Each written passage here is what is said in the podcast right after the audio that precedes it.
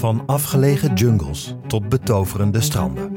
In de nieuwe podcast Reis naar de Dood vertel ik, David Lucier, hoe lang verwachte vakanties eindigen in een nachtmerrie. Iedere donderdag staat er een nieuwe aflevering klaar. Exclusief te beluisteren op Podimo. Ga naar podimo.nl slash reis naar de dood en luister één maand gratis naar al je favoriete podcasts. Triggerwaarschuwing. Deze serie bevat gedetailleerde beschrijvingen van criminele activiteiten en plaatsdelicten.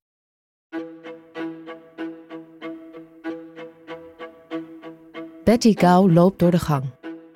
Ze is op de tweede verdieping van het indrukwekkende landhuis van de familie Lindbergh. Het is tien uur 's avonds en buiten is het donker. De lichten in het huis maken schaduwen op het fluwelen behang en de portretten aan de muur. De 26-jarige Betty werkte nu al bijna twee jaar als kindermeisje. Ze heeft een lange dag achter de rug en is moe. Het zorgen voor een uitbundige peuter is niet altijd eenvoudig. Toch maakt Betty er een gewoonte van om, voor ze zelf naar bed gaat, nog even langs de kinderkamer te lopen. Ze wil zeker zijn dat alles goed gaat met de 20 maanden oude Charles Augustus Lindbergh. Betty is dol op het kleine jongetje en zorgt voor hem sinds zijn geboorte. De kinderkamer van Charles is gehuld in duisternis. Alleen in de hoek staat een klein schemerlampje aan. Betty loopt voorzichtig op het wiegje af, zodat ze het slapende kindje niet wakker maakt. Terwijl haar ogen gewend raken aan het donker, zoekt ze in de wieg naar het lieve gezichtje van het jongetje. Ze verwacht zijn ademhaling te horen. Het rustige geluid dat hoort bij een diepe slaap. Maar ze vindt hem niet. Baby Charles ligt niet in zijn wiegje, de plek waar ze hem drie uur geleden zelf heeft neergelegd. Haar hart bonst in haar keel. Ze voelt dat er iets mis is. Heel erg mis. Mijn naam is Sanne Langelaar. Welkom bij Het Bewijs. Deze serie biedt een unieke kijk achter de schermen bij de meest opmerkelijke strafzaken van over de hele wereld. Luister en ontdek hoe simpele alledaagse voorwerpen het doorslaggevende bewijs werden en hielpen bij het oppakken van moordenaars. Van Podimo en What's the Story Sounds is dit Het Bewijs, aflevering 4, De Ladder.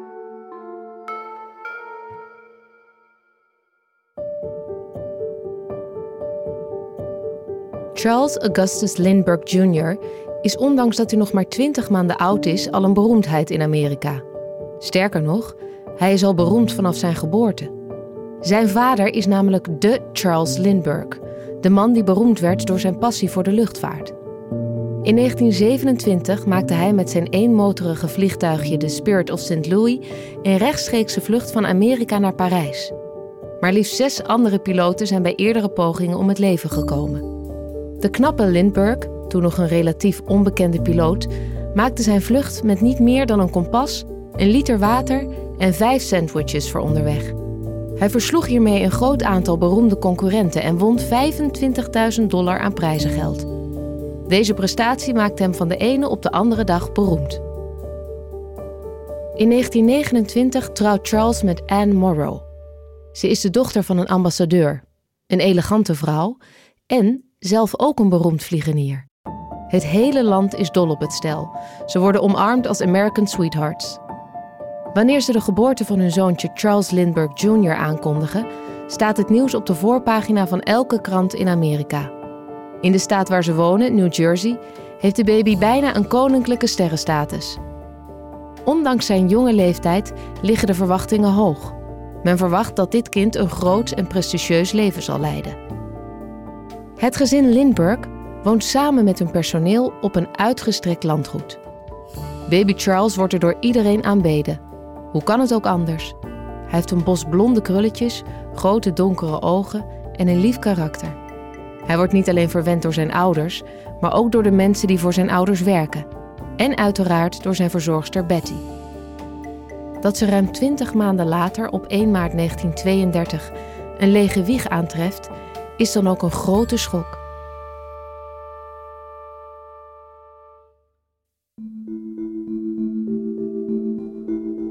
Betty rent zo snel als ze kan door de lange brede gang en gaat vervolgens de grote wenteltrap af. Ze weet dat de ouders van Charles in de salon zijn. Betty voelt instinctief aan dat zij de baby niet uit zijn bedje hebben gehaald, zeker niet op dit tijdstip. Terwijl ze naar hen toe rent, bidt ze dat de ouders weten waar Charles is. Zodra Betty de salonkamer binnenkomt, ziet ze de Lindberghs bij de open haard zitten. Ze weet nu dat haar nare voorgevoel klopt. De baby ligt niet in zijn wiegje, hijgt ze. De paniek is direct te lezen in de ogen van Charles en Anne. Charles stuift binnen een paar seconden de kamer uit en rent de trap op. Anne volgt hem. Haar stem klinkt hoog en schel terwijl ze haar man angstig aanmoedigt om nog sneller te rennen. Een deel van het personeel hoort ondertussen ook de geluiden en realiseert zich wat er aan de hand is. In elke kamer wordt het licht aangedaan. In de gangen hoor je het personeel roepen: Baby Charles is weg en de baby ligt niet in zijn wiegje. Charles en Anne stormen de kinderkamer binnen. Ze zien hetzelfde als wat Betty even daarvoor zag: een lege wieg. De baby waar ze zo van houden is nergens te bekennen. Maar op de vensterbank ligt wel een briefje. Op het briefje staan een paar haastige en slecht gespelde zinnen. De boodschap is echter duidelijk. De dader eist 50.000 dollar voor een veilige terugkeer van de kleine Charles. De 50.000 dollar van toen is tegenwoordig te vergelijken met een waarde van ruim 1 miljoen dollar. Veel geld dus. Helemaal in de jaren 30 toen Amerika in de greep was van de Grote Depressie. Op het briefje is rechts onderaan een tekening te zien. De tekening bestaat uit een reeks cirkels, stippen en lijntjes. Degene die het maakte schrijft erbij dat het gezien kan worden als zijn handtekening. Hij gaat nog meer brieven sturen en met deze manier van ondertekenen kunnen ze hem herkennen. Hij stelt dat hij binnen twee tot vier dagen opnieuw gaat schrijven om de overdracht van het geld te regelen. Iedereen op het landgoed is in shock. Baby Charles is ontvoerd.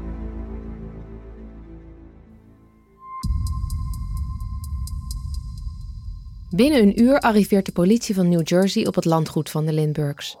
De ontwikkelingen op het gebied van forensisch onderzoek staan nog in de kinderschoenen, maar ook in die tijd wordt het belang van een plaatsdelict niet onderschat.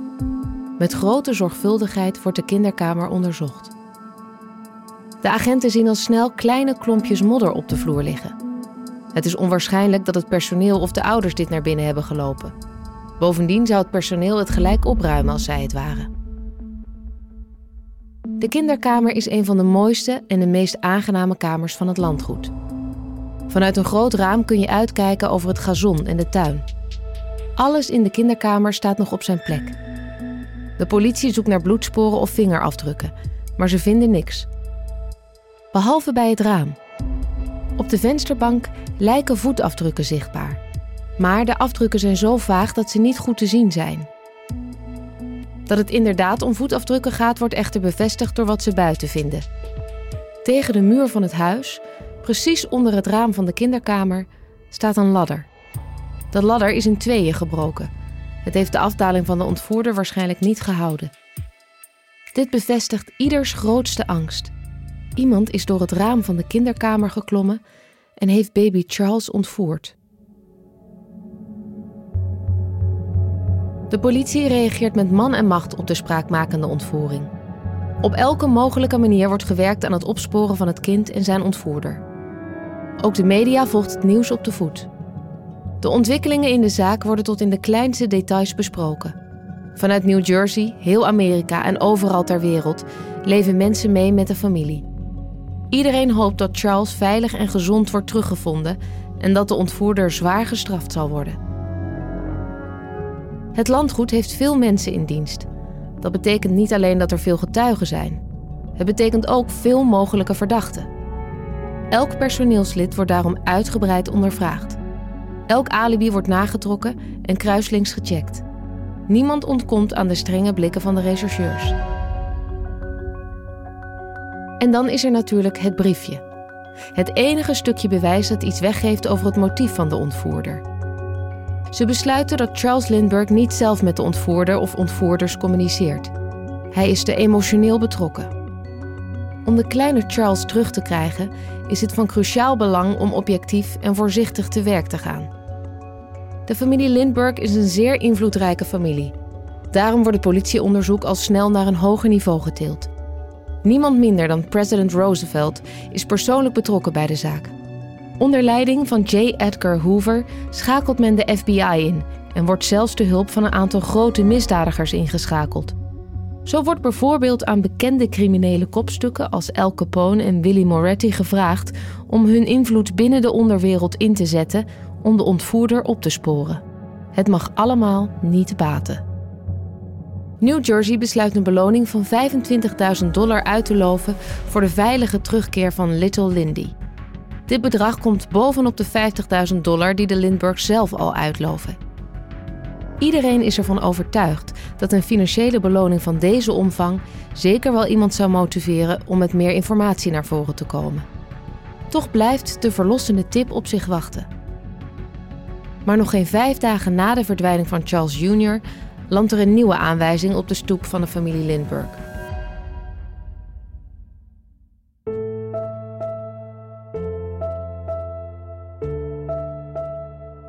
Op 6 maart 1932 opent Charles Lindbergh een tweede brief. Het is ondertekend met dezelfde kenmerkende cirkels, stippen en lijnen als op de eerste brief. De stempel op de postzegel toont aan dat de brief twee dagen eerder is verstuurd, vanuit de regio Brooklyn, New York, op zo'n 30 kilometer van de plaats Englewood.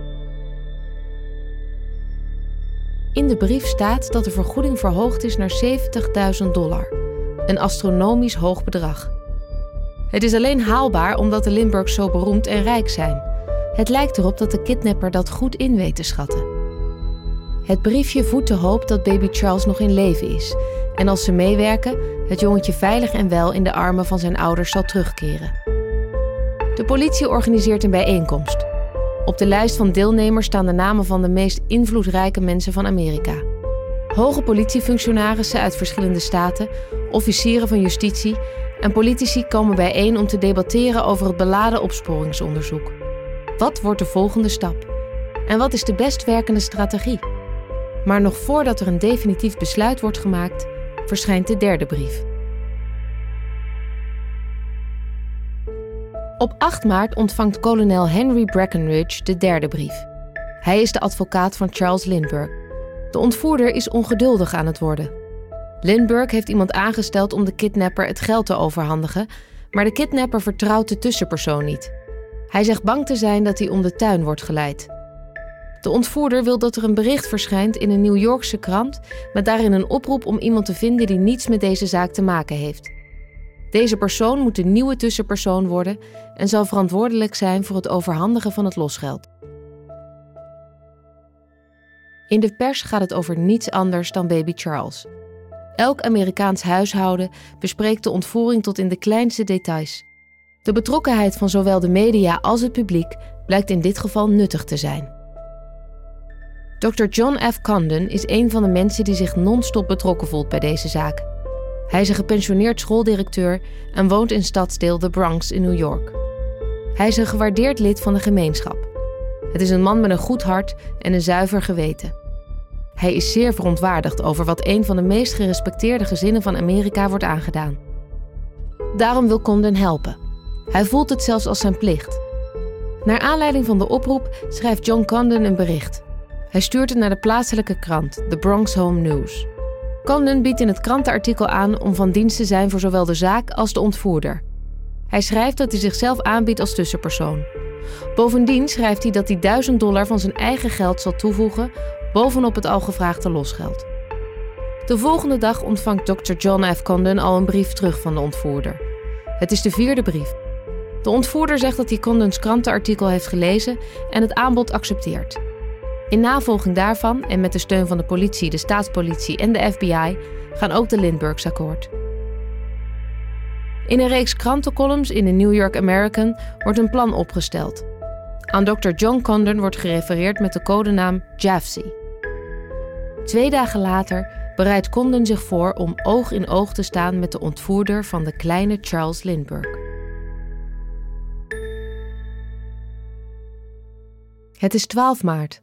Het gerinkel van de telefoon doorbreekt de stilte in het appartement van Condon in de Bronx. De beller aan de andere kant van de lijn spreekt langzaam en zorgvuldig. Hij heeft een ondefinieerbaar accent. De beller vertelt John dat er een vijfde brief onderweg is. Na enkele minuten verschijnt een taxichauffeur voor de deur van het appartement. Hij heeft een brief in zijn hand. De taxichauffeur, genaamd Joseph Perrone, wordt op een later tijdstip verhoord door de politie. Hij vertelt dat hij de brief heeft gekregen van een onbekende man. In de brief staat de opdracht om naar het huis van Condon te rijden en de brief daar af te geven. In de vijfde brief staat een aanwijzing voor het vinden van de zesde brief. John Condon volgt de instructies en onder een leegstaand kraampje naast de metrostation weet hij brief 6 te vinden. In de brief staan instructies om naar Woodlawn Cemetery te lopen. Het is al avond en het schemert. Als John op het kerkhof loopt, voelt hij zijn hart in zijn keel kloppen. Hij weet dat hij bekeken wordt. Niet alleen door de ontvoerder, maar ook door de bodyguard die de Lindberghs hebben ingehuurd om hem veilig te houden. De bodyguard houdt afstand en, jawel, na tien minuten duikt er vanuit de schaduwen een donkere gestalte op. Met dezelfde rustige stem als in het eerdere telefoontje zegt de man dat ook hij John heet. Hij vertelt dat hij Scandinavisch is, dat hij optreedt namens een groepje mannelijke en vrouwelijke matrozen en namens iemand die hij Number One noemt. De ontvoerder vraagt of hij het losgeld heeft. Condon zegt dat hij eerst bewijs wil ontvangen dat baby Charles nog leeft. De ontvoerder zegt dat een bewijs van leven spoedig zal volgen. Vervolgens verdwijnt hij weer in het donker. De volgende dagen wachten de Lindberghs wanhopig op nieuws. Hun tussenpersoon, Dr. John F. Condon, zet in de tussentijd nog verschillende berichten in de krant. Hij vraagt de man die hij in het park ontmoette om iets van zich te laten horen. Dat gebeurt een aantal dagen later, op 16 maart, precies twee weken nadat baby Charles is ontvoerd. De zevende brief arriveert samen met een pakketje op het huisadres van de Lindberghs. Charles Lindbergh Sr. neemt het aan. In de doos zit een babyslaapzak. Hij drukt het slaapzakje tegen zich aan en zegt tegen de aanwezige politie dat het slaapzakje van zijn zoon is. De belangstelling voor de ontvoeringszaak is er na twee weken niet minder op geworden. Het hele land hoopt nog steeds dat baby Charles wordt gevonden, maar de publieke opinie over de afloop verandert. Steeds minder mensen geloven dat hij levend zal worden gevonden. Ondertussen blijft Condon berichten plaatsen in de krant. Maar de ontvoerder communiceert steeds minder en de tijd die tussen de contactmomenten zit, wordt langer. Op 21 maart ontvangt John de achtste brief. De brief benadrukt dat het belangrijk is dat de politie en de Lindberghs precies doen wat de ontvoerder eist. In de brief staat ook dat de ontvoering al een jaar eerder gepland was. Over elk detail is nagedacht. In plaats van baby Charles naar huis te brengen of de zaak af te ronden, lijkt het alsof de ontvoerder nog maar net begonnen is. Ondertussen leeft Betty Gao, de verzorgster van baby Charles, al een maand tussen hoop en vrees. Ze maakt buiten een ommetje om haar hoofd leeg te maken. Maar dan merkt ze iets op. Toen ze Charles die bewuste avond in bed legde, had hij een duimbeschermer om. En daar ligt het, in de modder. Ze stort volledig in. Dit is een cruciaal stuk bewijs. Ligt dit er al sinds de avond van de ontvoering? De gevonden duimbeschermer wordt breed uitgemeten in de pers. Dit bewijs zorgt ervoor dat de ontvoerder weer van zich laat horen. Condon ontvangt de negende brief. Ook deze brief is weer ondertekend met de kenmerkende cirkel, punten en lijnen. Maar de toon van de brief is een stuk agressiever. De ontvoerder dreigt het losgeld te verhogen naar 100.000 dollar als er niet snel wordt betaald. Na deze brief volgen er snel nog meer brieven. In de tiende brief schrijft de ontvoerder dat Condon het geld de volgende avond moet overdragen. Op 2 april krijgt Condon de elfde brief afgeleverd, wederom via een taxichauffeur. Deze brief vertelt waar hij de twaalfde brief kan vinden. De twaalfde brief ligt onder een steen voor een kas in de Bronx in New York. Het is de twaalfde brief die Condon weer naar het kerkhof brengt voor een tweede ontmoeting met de ontvoerder. Condon onderhandelt met de ontvoerder. Dit is misschien wel het belangrijkste moment van zijn leven. In opdracht van de Lindberghs overtuigt hij de onbekende man om de geldsom te verlagen naar 50.000 dollar. Ze hebben afgesproken dat de vindplaats van het jongetje in de dertiende brief staat. Dus vertelt hij de ontvoerder op ferme toon dat hij het geld alleen overhandigt in ruil voor de dertiende brief. Condon plaatst een speciaal gemaakte houten kist op de grond. Het bevat het afgesproken geld. De ontvoerder steekt zijn hand in de zak van zijn jas en haalt de dertiende brief tevoorschijn.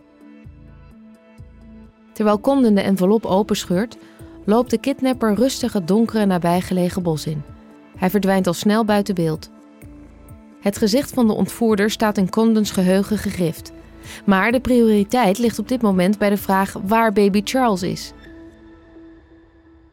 De dertiende brief vertelt dat het jongetje veilig en wel te vinden is aan boord van een boot genaamd de Nelly. De boot zou voor de kust van Massachusetts voor anker liggen, vlakbij een eiland genaamd Martha's Vineyard. De volgende ochtend rukt de politie uit naar Martha's Vineyard en onderzoekt de gehele kustlijn. Elke boot en elk huis in de omgeving wordt doorzocht, maar ze vinden het jongetje niet. Er is geen spoor van hem te bekennen. Het ongeloof en de verbijstering is groot. De politie zoekt een tweede keer, maar komt tot hetzelfde resultaat. Alle hoop op een goed einde is verloren.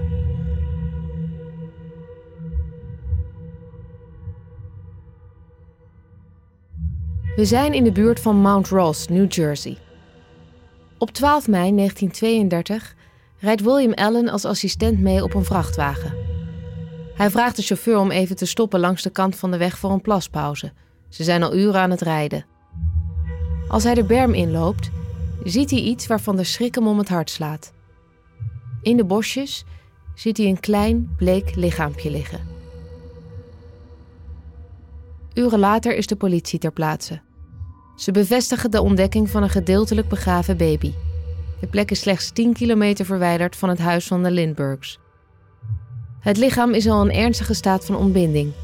Het hoofd van de baby is verbrijzeld. Bovendien zit er een gat in zijn schedel en mist hij een aantal lichaamsdelen. Al snel identificeren ze het lichaam als zijnde van Charles Lindbergh Jr. Het onderzoek van de lijkschouwer toont aan dat het kind al zo'n twee maanden dood is. Zijn dood is veroorzaakt door een klap op het hoofd. Het verschrikkelijke nieuws bereikt al snel het hele land en hult zijn inwoners in rouw. Op 13 mei 1932 wordt baby Charles gecremeerd in Trenton, New Jersey. Meer dan twee maanden nadat hij als vermist is opgegeven.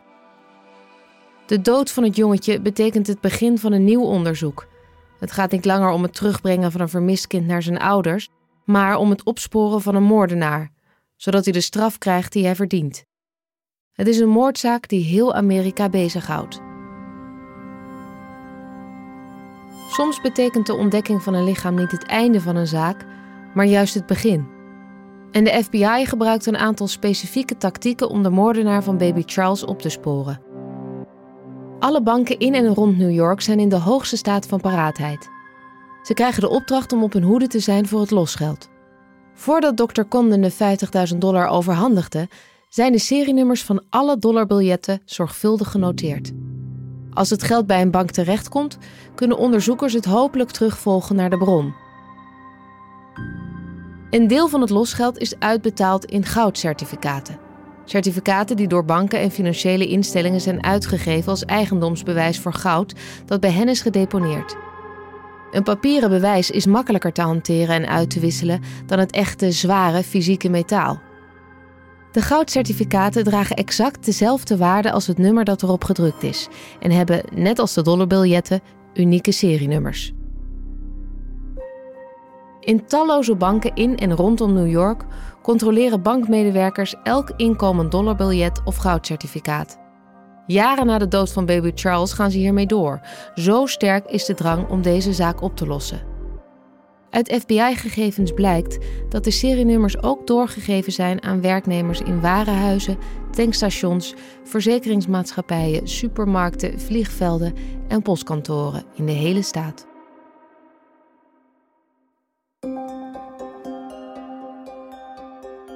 Uit cijfers blijkt dat dit soort misdrijven meestal wordt gepleegd door iemand die een directe band heeft met het slachtoffer. Daarom denkt de politie en de FBI al geruime tijd dat de sleutel naar de oplossing te vinden is in het huishouden van de Lindberghs. Om die reden zijn alle personeelsleden en soms zelfs familie van het personeel uitvoerig ondervraagd. Zo ook Violet Sharp. Op 10 juni wordt ze voor de derde keer ondervraagd. Violet is een gevatte Engelse immigrant van achter in de twintig. Ze heeft twee jaar als dienstmeisje gewerkt op het landgoed Morrow. Het landgoed waar Anne Morrow, de moeder van baby Charles, opgroeide. Violet is een harde werkster en zeer geliefd bij de andere leden van het huishouden. Er gaat zelfs een gerucht rond dat de butler van plan was om haar een aanzoek te doen. Maar net na de verdwijning van baby Charles was de reactie van Violet op zo'n zachts gezegd vreemd. Iedereen deed zijn best om de politie te helpen met het onderzoek. Maar Violet werkte niet mee en stelde zich zelfs agressief op. Haar gedrag was zo opvallend dat het hoofd van de politie in New Jersey, kolonel Schwarzkopf, haar nogal verdacht vond. Kolonel Schwarzkopf besluit zonder dat Violet het weet haar woning te onderzoeken. In het huis van Violet vinden ze een heleboel boekjes. Hierin staan namen en adressen, veel brieven en visitekaartjes. Ook vinden ze een spaarboekje. Daarin staat dat er 1600 dollar op haar spaarrekening staat. Haar salaris is niet meer dan 100 dollar per maand. Is dat verdacht? Mensen vragen zich af hoe ze in twee jaar tijd aan zoveel geld is gekomen. Maar haar vrienden verklaren dat Violet zuinig is op haar geld. Violets eerste ondervraging is op de avond van de verdwijning. Ze verklaart dat ze samen met een ander stel op een blind date was. Ze zegt het stel niet te kennen. Ze zijn samen naar de bioscoop geweest om een film te zien, maar ze kan niks meer vertellen over de film. Ook de naam van haar date kan ze zich niet herinneren. Tijdens een tweede politieverhoor verandert Violet haar verhaal. Dit keer beweert ze dat ze niet naar de film was, maar naar een plaatselijke kroeg. De Morrows en de Lindberghs vertrouwen hun personeel. Dat maakt dat kolonel Schwarzkopf heel zeker van zijn zaak wil zijn. Daarom kondigt hij aan dat hij Violet Sharp voor een derde keer wil ondervragen. En dit keer is hij van plan om haar onder druk te zetten. Hij wil meer informatie over de mensen met wie ze die avond was. En hij wil ook meer weten over het geld op haar spaarrekening. De politieverhoren zijn niet makkelijk voor mensen die ondervraagd worden. Het zijn stressvolle gesprekken vol met beschuldigingen. Het idee erachter is dat er flink druk wordt gezet. Schuldige mensen zullen breken. Maar wat doet het met onschuldige mensen?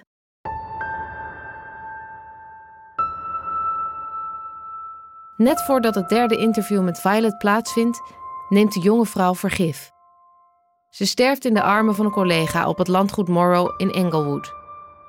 Sommigen beweren dat dit het bewijs is dat Sharp betrokken is bij de ontvoering. Ze zou zich zo schuldig hebben gevoeld dat ze zelfmoord pleegde. Maar na haar dood bevestigt iemand haar alibi. Dit zorgt ervoor dat ze niet langer wordt verdacht. Kolonel Schwarzkopf krijgt veel kritiek op zijn harde verhoormethode en omgang met de jonge vrouw. Tijdens het verloop van het onderzoek krijgt de politie te maken met een ongekende stortvloed aan informatie van het publiek. De meeste tips komen van mensen die het onderzoek oprecht willen steunen. Mensen die denken dat ze belangrijke en nuttige informatie hebben om te delen. Rechercheurs onderzoeken elk stukje informatie dat binnenkomt. Helaas zitten er ook regelmatig dwaalsporen tussen.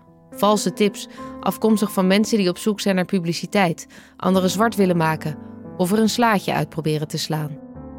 Zo wordt een zekere mevrouw Walsh opgelicht door een man die beweert de ontvoerder te kennen. Hij vertelt de mevrouw dat hij kan zorgen voor een veilige terugkeer van baby Charles. Mevrouw Walsh heeft geen band met de Lindberghs, maar ze heeft deze man genaamd Gaston Means eerder ontmoet. Hij heeft jaren daarvoor wat onderzoek gedaan voor haar man en daarom vertrouwt ze hem. Gaston vertelt mevrouw Walsh dat de vergoeding voor baby Charles is verdubbeld en haalt haar over om hem 100.000 dollar te geven. Gaston vertelt haar dat hij onderhandelt met de ontvoerders en dat mevrouw Walsh de afloop af moet weten. De vrouw hoort niks meer en besluit Gaston aan te geven bij de politie. De man wordt veroordeeld tot 15 jaar gevangenisstraf voor verduistering en diefstal. Dit soort dwaalsporen vergen kostbare tijd. Vooral omdat er zoveel meer belangrijke aanwijzingen zijn om te onderzoeken. Bijvoorbeeld de boot Nelly, die de ontvoerder in de dertiende brief noemde. Is dit een willekeurige fictieve naam of is het op waarheid gebaseerd en kan dit op een manier naar de ontvoerder leiden? Een landelijke inventarisatie van bootregistraties levert helaas niets bruikbaars op. De rechercheurs duiken ook in eerdere ontvoeringszaken. Ze zoeken naar een mogelijk verband tussen de eerdere misdaden en de Lindberghs-ontvoering. Zijn er overeenkomsten die een patroon laten zien? Of is er een vergelijkbare werkwijze? Helaas kunnen ze niets vinden. Er wordt ook gewerkt aan het meest kritieke stuk bewijs dat de politie in handen heeft. Condon's ooggetuigenverslag van de ontvoerder, van de man die zichzelf John noemde.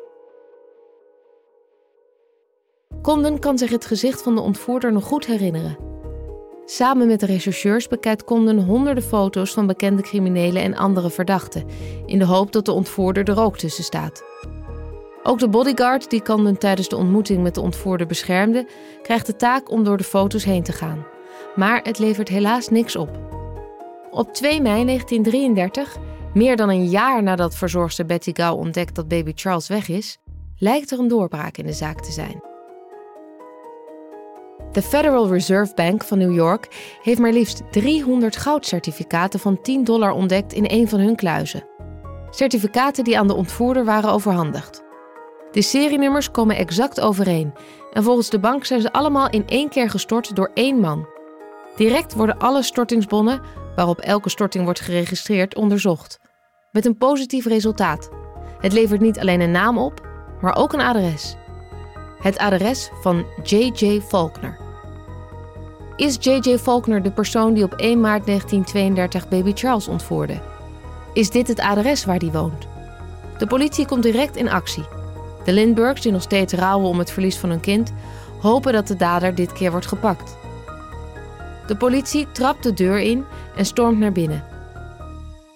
Maar er woont niemand met de naam J.J. Faulkner op dit adres.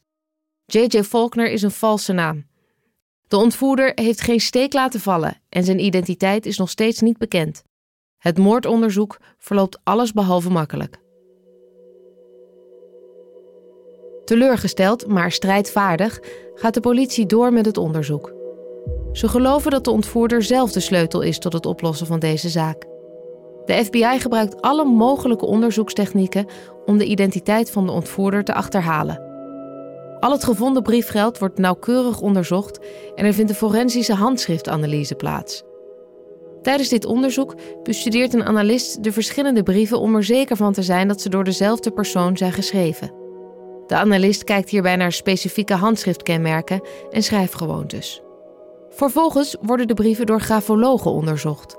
Zij proberen mogelijke karaktereigenschappen van de ontvoerder te achterhalen door te kijken naar nuances in zijn handschrift.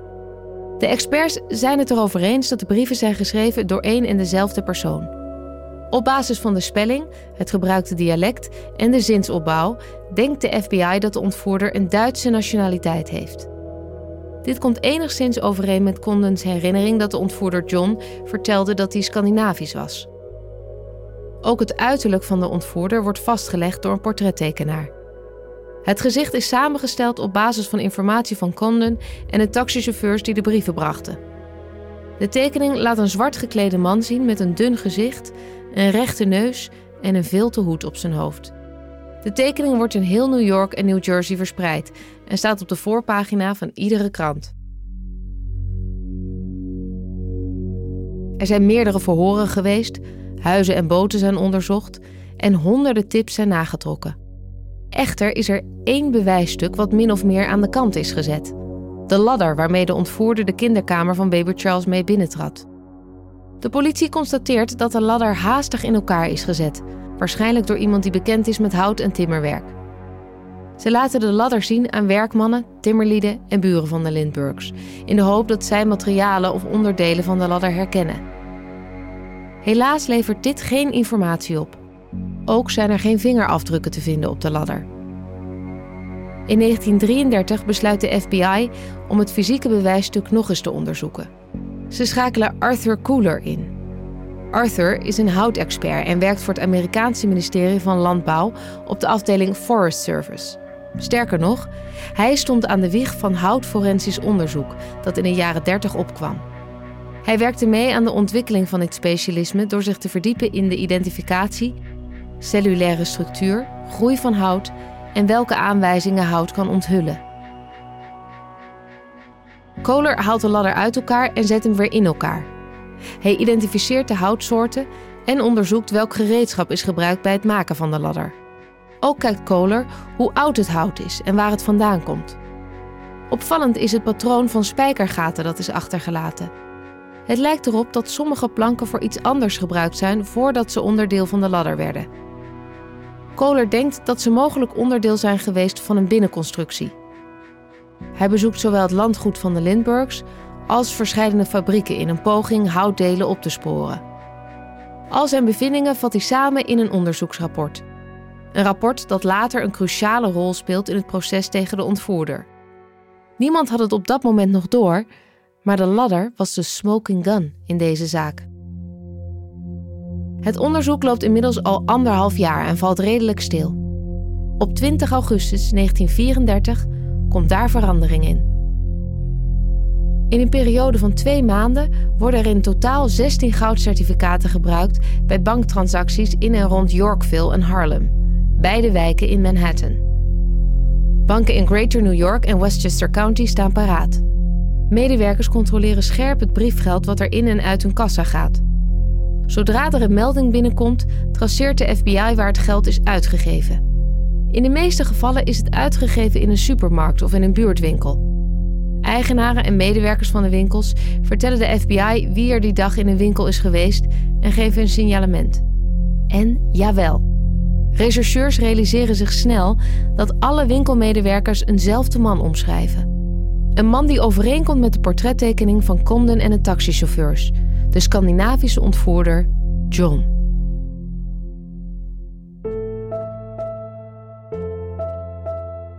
Op 18 september 1934, rond 1 uur s middags, neemt de assistent-manager van de Corn Exchange Bank and Trust Company in New York de telefoon op. Hij draait het nummer van het New York City Bureau Office en vertelt dat er net een goudcertificaat van 10 dollar is ontdekt, waarvan het serienummer matcht met het geld van de ontvoering. Het certificaat is drie dagen eerder gebruikt op een tankstation, niet meer dan twee straten van de bank vandaan. De bediende van het tankstation, een man genaamd Walter Lyle, heeft het goudcertificaat gekregen als betaling voor 5 liter benzine. Terwijl Walter de auto vulde, had hij de eigenaar van de auto bestudeerd. Hij vond de man in de auto lijken op de beschrijving die de laatste weken rondging op tankstations. Het zou gaan om een man die losgeld aan het uitgeven was. Walter werd achterdochtig en vertrouwde de man en het goudcertificaat niet. Hij besloot om het kenteken van de auto te noteren. Toen de agenten op Walters werk aankwamen, kon hij ze direct het kenteken overhandigen. De auto is van een man die woont in de Bronx, New York. Ene Bruno Richard Houtman. Bruno Richard Houtman is een Duitse timmerman die al 11 jaar als illegale immigrant in Amerika woont. Hij wordt gearresteerd op 19 september 1934 terwijl hij aan het tanken is. De politie vindt een goudcertificaat van 20 dollar in zijn jaszak. Zijn uiterlijk matcht perfect met de omschrijving van de ontvoerder. Diezelfde avond nog weet taxichauffeur Joseph Peroni hem aan te wijzen in een rij van verdachten. Hij weet het zeker. Bruno Houtman is de man die hem anderhalf jaar geleden de vijfde brief in handen drukte. De rechercheurs twijfelen er niet aan dat ze de ontvoerder en moordenaar van baby Charles in hechtenis hebben. Maar het werk is nog niet klaar. Ze moeten het nog bewijzen. Op 3 januari 1935 begint in New Jersey de rechtszaak tegen Bruno Richard Houtman. De publieke belangstelling is groot. De trappen van de rechtbank worden van s morgens vroeg tot s avonds laat gevuld met journalisten en fotografen. De zaak tegen Houtman is volledig gebaseerd op indirect bewijs. Dit is tenslotte niet het tijdperk van modern forensisch onderzoek. Er is geen DNA om te bewijzen dat Houtman op de plaats delict is geweest of contact heeft gehad met baby Charles. Desalniettemin hebben experts al het beschikbare bewijsmateriaal met een ongelofelijke precisie geanalyseerd en de aanklagers hebben er vertrouwen in dat Houtman schuldig wordt bevonden. De geldbrieven vormen een groot deel van dat bewijsmateriaal. Exemplaren van Houtmans handschrift worden overgevlogen naar Washington, D.C. Hier worden ze bestudeerd in het FBI-laboratorium. Een vergelijking van het schrift op de geldbriefjes vertoont opmerkelijke en onmiskenbare overeenkomsten met een andere correspondentie die Houtman heeft geschreven. Daarnaast zijn er ook nog de geld- en goudcertificaten die Houtman in zijn bezit heeft. Alleen al in zijn garage is er 14.600 dollar aan oorspronkelijk losgeld ontdekt. Houtman vertelt de jury dat het geld bij hem in bewaring is voor een inmiddels overleden vriend. Maar de doorslag, het bewijs, is de ladder. De ladder die de politie onder het raam van de kinderkamer vond. Het is de ladder die uiteindelijk laat zien dat de verdachte op de plaats delict is geweest. Arthur Kohler wordt opgeroepen om te getuigen.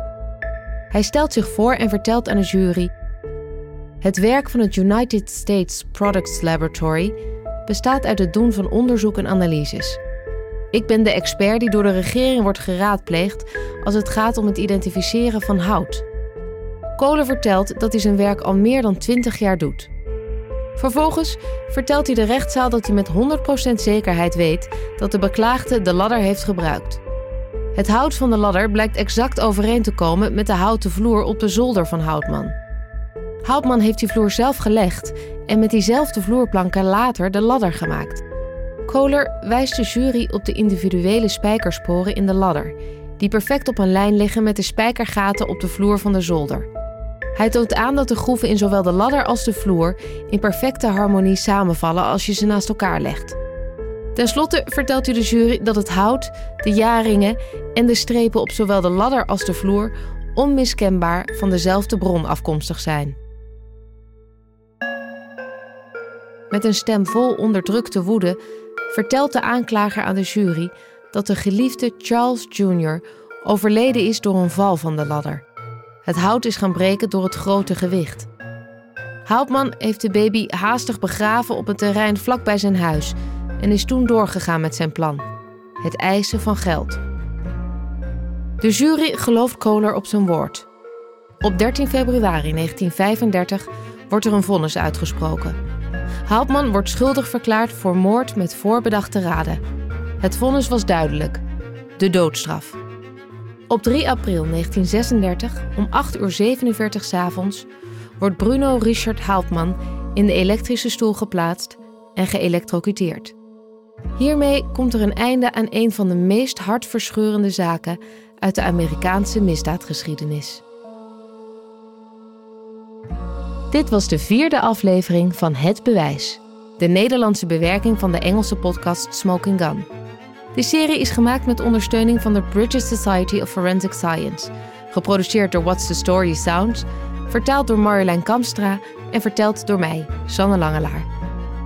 Het Bewijs is een productie van Dag en Nacht Media in opdracht van Podimo. De montage en mixage is gedaan door Jasper Bogaert, de productie door Anne Jansens en Gabi van Schaik. Graag tot de volgende keer.